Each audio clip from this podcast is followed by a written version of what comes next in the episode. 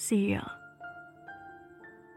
Saya kembali mengingat seseorang yang keberadaannya pun tak tahu ada di mana sekarang. Mendefinisikannya sebagai rumah mungkin adalah kebodohan yang pernah saya lakukan. Terlena akan kesedihan yang dilontarkan dari bibir gemetar menahan tangis itu. Saya begitu mudah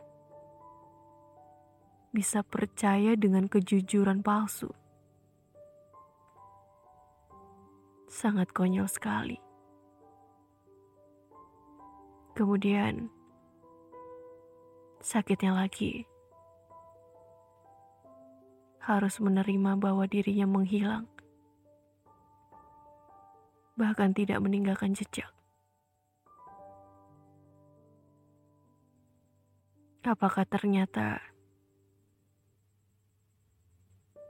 sosok itu memanglah setega ini?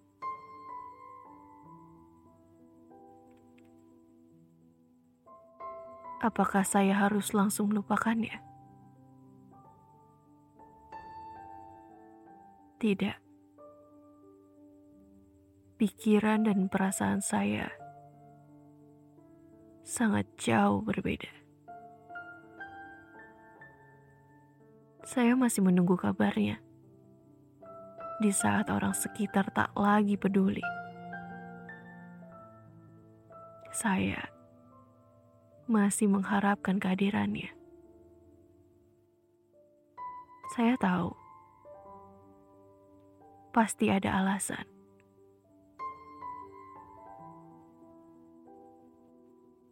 Jika berkenan,